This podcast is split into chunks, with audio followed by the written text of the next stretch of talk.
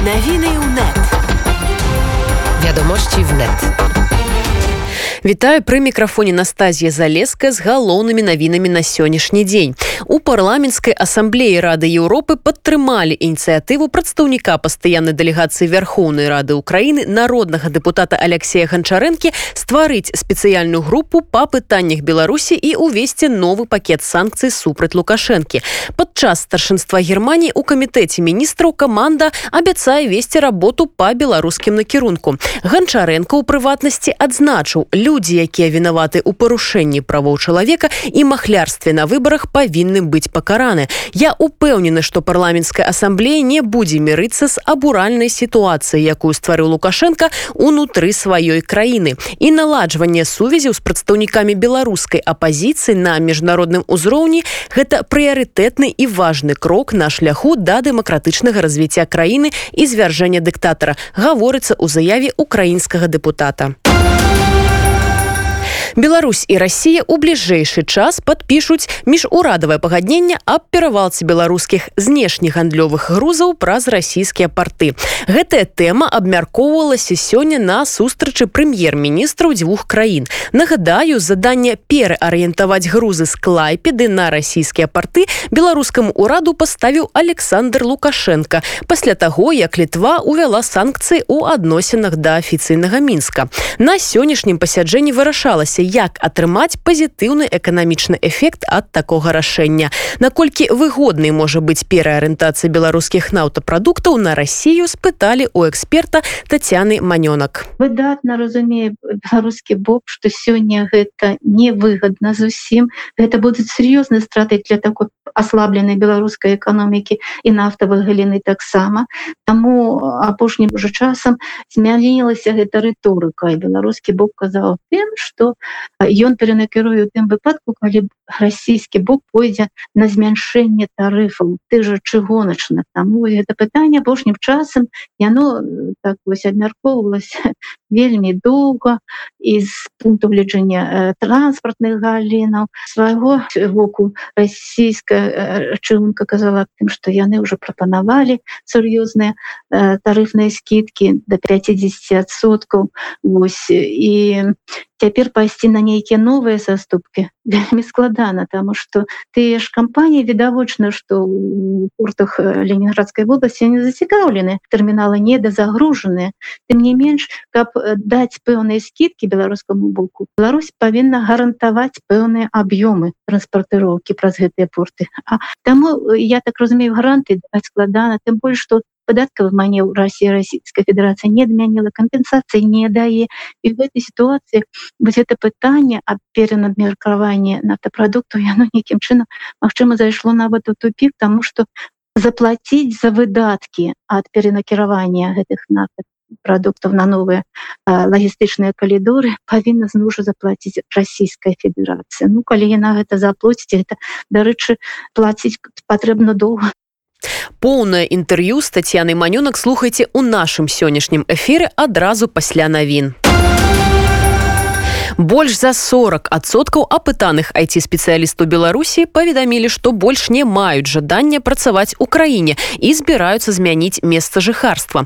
Гэта вынікае з чарговага апытання работнікаў айти галіны больш за трэць айцішнікаў не лічаць рэлакацыю часовай меры і адразу разглядаюць магчымасці атрымання віду на жыхарства.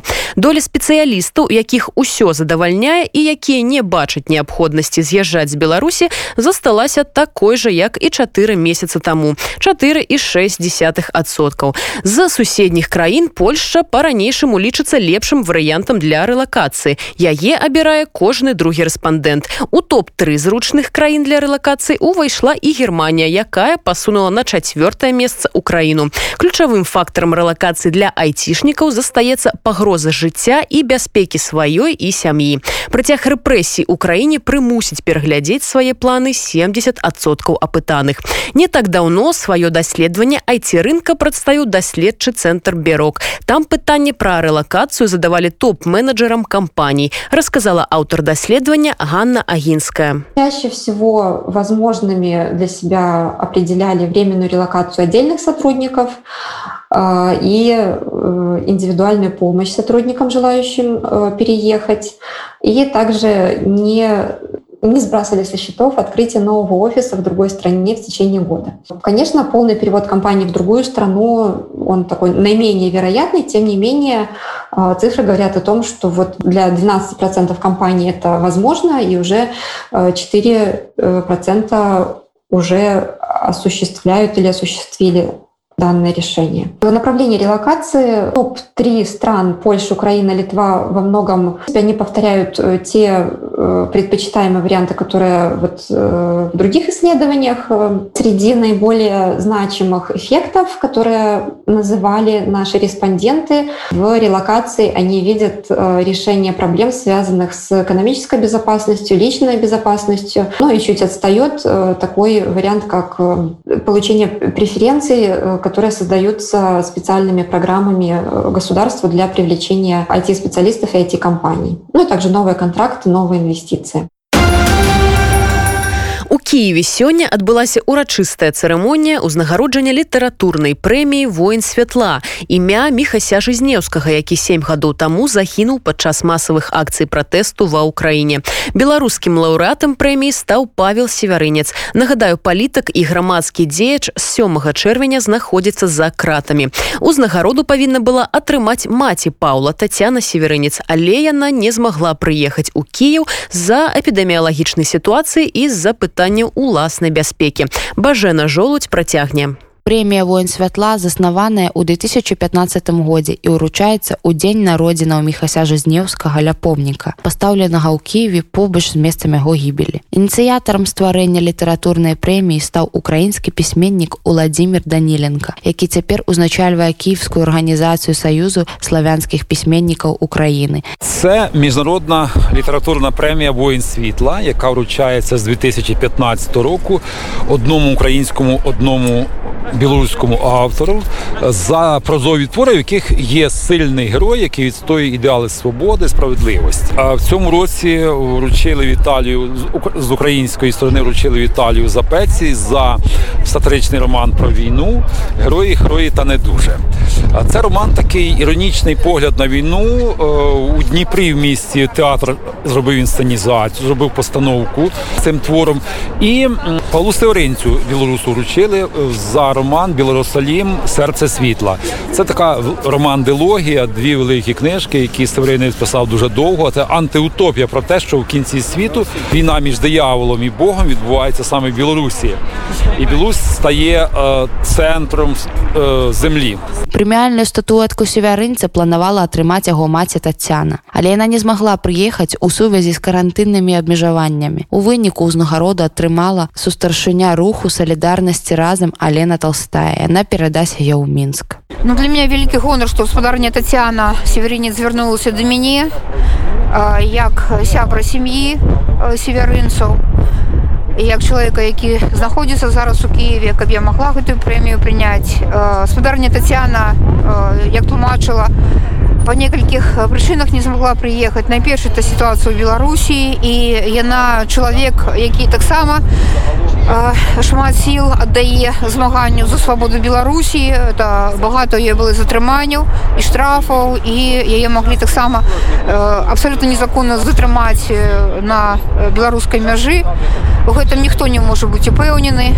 Другое гэта канешне каранцінныя абмежаванні якія прымусілі пэўны час знаходзіцца под самаізаляцыяй і таму вось такі гонар прыняць гэтую прэмію перадаць сям'і павла свярынца ён выпал мне і для меня гэта вельмі важно украінскім лаўрэатам стаў пісьменнік віталь запека які ваяваў на донбасе і напісаў роман пра будні украінскага жаўнера на ўсходнім фронте я не очікував що отримую нагороду тим більше що роман який написав специфічний не просто роман про війну а воєнно-сатиричний роман про війну незважаючи на це він доволі таки вдало на мою думку по суті цивільні люди лише одягнуті в форму взяли зброю, якою не могли користуватися. І зупинили ворога, погнали його назад, ну зараз принаймні локалізували. І врешті-решт примусили. Знаєте ли ви Павла Северінця? Особисто незнайомий, передав йому книжку, сподіваюся, що вона скрасить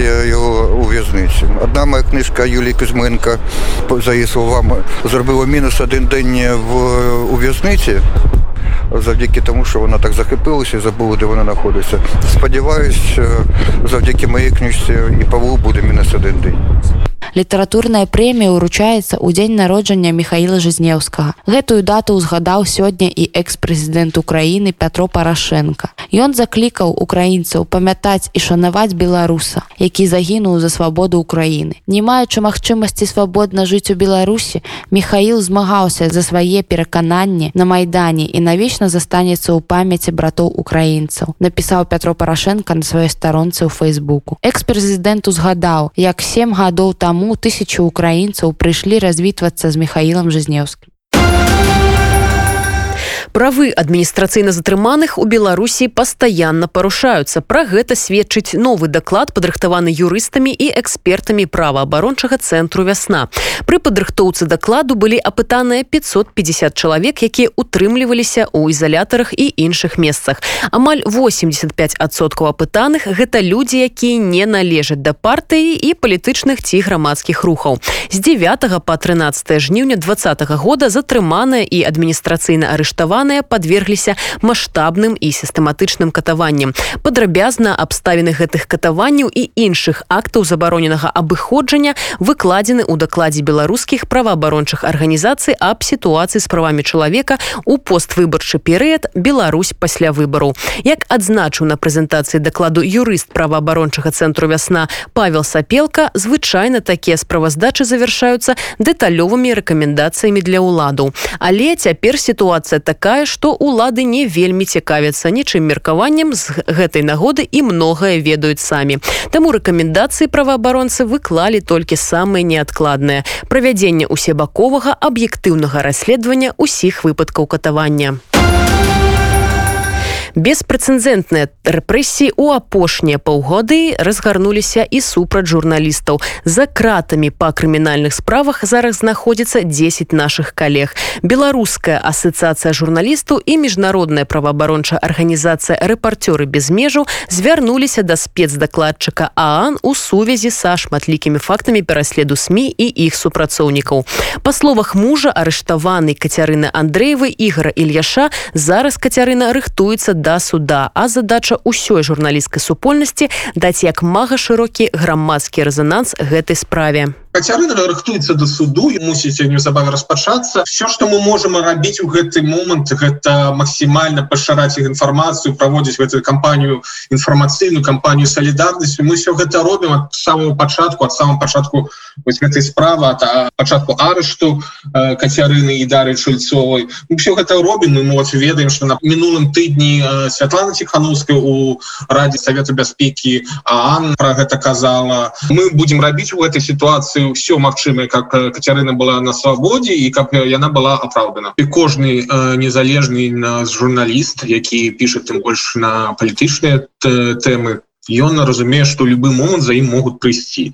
І прыйсці ўжо нават не по адміністратыўнай справе а по крымінальнай і вось апошнія выпадкі у тым ліку справа прэс-клуба справа александрова показывает что ось гэта все развивается и развивается. Сённяшнія ператрусы у біноклі зноў уже в берасцейском то бок для всех відавочна что гэта працэс ён ідзе ён не скончаны ён будзе працягвацца бо безумоўна улады ўзялі курс на тое каб цалкам задушыць і свабодную прэсу і у прынцыпе усялякую магчымасць атрымліваць праўдзівую інфармацыю для грамадства задача стаіць простая. Фактычна знішчыць незалежную журналістыку і утварыць такую інфармацыйную блакаду для грамадства.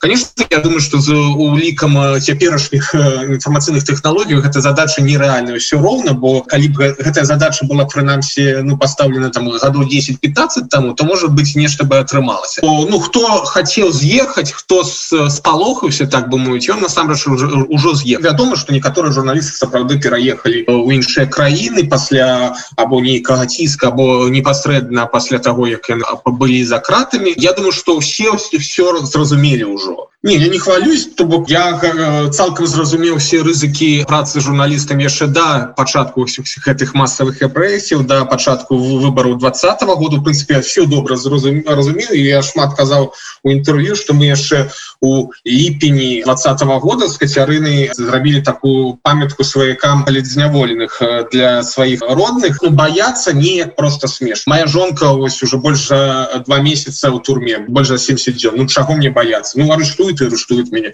чым яны могут меня напалохать яны меня не зламаюць і не напалохаюць уже докладно